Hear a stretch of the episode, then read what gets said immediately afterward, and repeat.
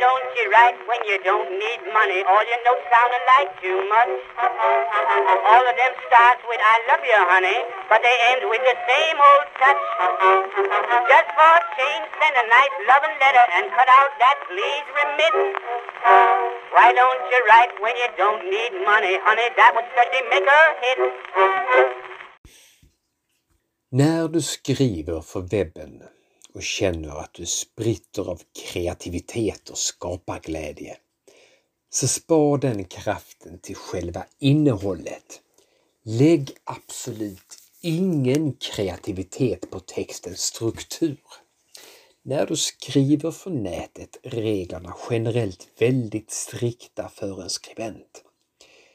Jag ska först berätta hur en struktur bör se ut och sedan varför den bör se ut på det viset.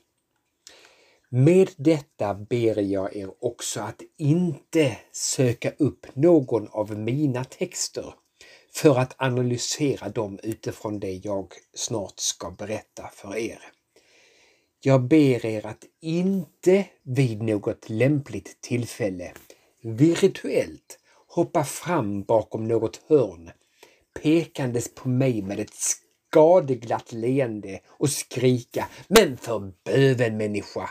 Du följer ju inte dina egna regler. Det är sant. Jag bryter ofta mot dem. Tycker jag att det är rätt? Nej. Skäms jag? Nej. Vill ni lära er något? Mm. Håll då tyst och lyssna vidare. Så här är det.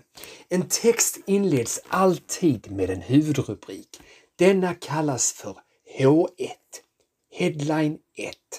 Därefter följer första stycket som lämpligen har en längd på ungefär 100 ord. Efter det kommer första underrubriken som heter H2, Headline 2. Du fortsätter med nästa stycke på ungefär 100 ord och där fortsätter du vidare på samma sätt. Och nej, andra underrubriken kallas inte för H3. Den heter också H2. Benämningarna H1, H2, H3 och så vidare har ingenting med själva ordningen att göra utan visar hur stor rubriktexten ska vara och hur betydelsefull den därmed är. Detta är något som Google tittar på, varför det därmed är betydelsefullt att textens viktigaste ord eller fras, nyckelord, nyckelfras, finns med i H1.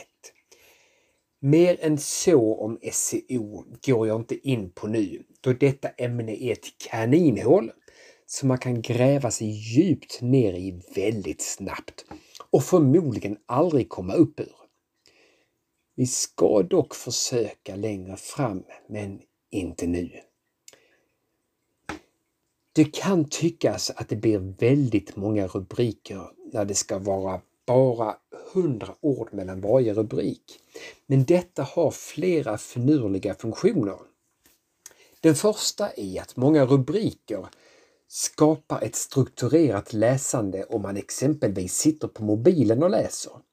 100 ord är precis lagom mycket att få plats på en mobilskärm och texten blir därmed lätt att följa. Det har också funktionen att läsaren med rubrikernas hjälp snabbt kan skumma igenom en text för att hitta precis den information man söker. Slutligen har vi igen SEO-aspekten som vi åter bara ska snudda vid. Google tycker att sådant som står i rubriker är extra viktigt. Med många rubriker har man därför många tillfällen att droppa de viktiga nyckelorden och man får därmed möjlighet att falla i den heliga Googles gunst. Så, vad ska de där styckena om hundra ord innehålla då? Generellt kan man säga att ett stycke ska innehålla en tankegång.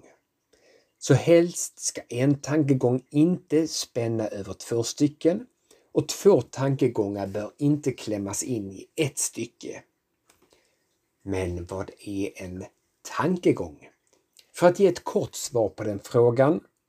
Från det att jag sa så vad ska de där styckena om hundra ord innehålla då? Och fram till ungefär här är en tankegång. Nu gör jag ett nytt stycke och när jag börjar prata igen så har jag påbörjat en ny tankegång. Hela textens struktur, detta är som ni märker en ny tankegång, bör ju innehållsmässigt ha en början, en mitten och ett slut. Det kan låta självklart, men ser man på många, många texter på nätet hur de ser ut så känns det inte längre lika självklart. Så igen, en text bör ha en början, en mitten och ett slut. Hur man lägger upp detta beror mycket på textens totala längd. Det är lite svårt att ta ut svängarna om man bara har 200 ord på sig.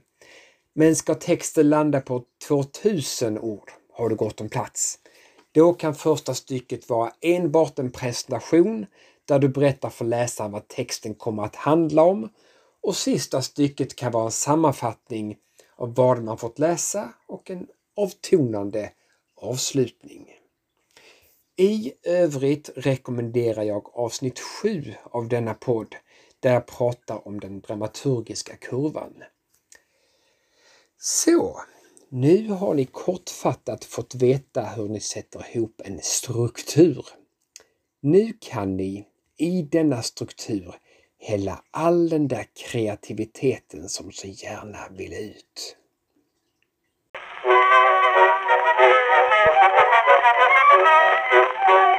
Why don't you write when you don't need money? All your notes sounding like too much. All of them starts with I love you, honey, but they end with the same old touch.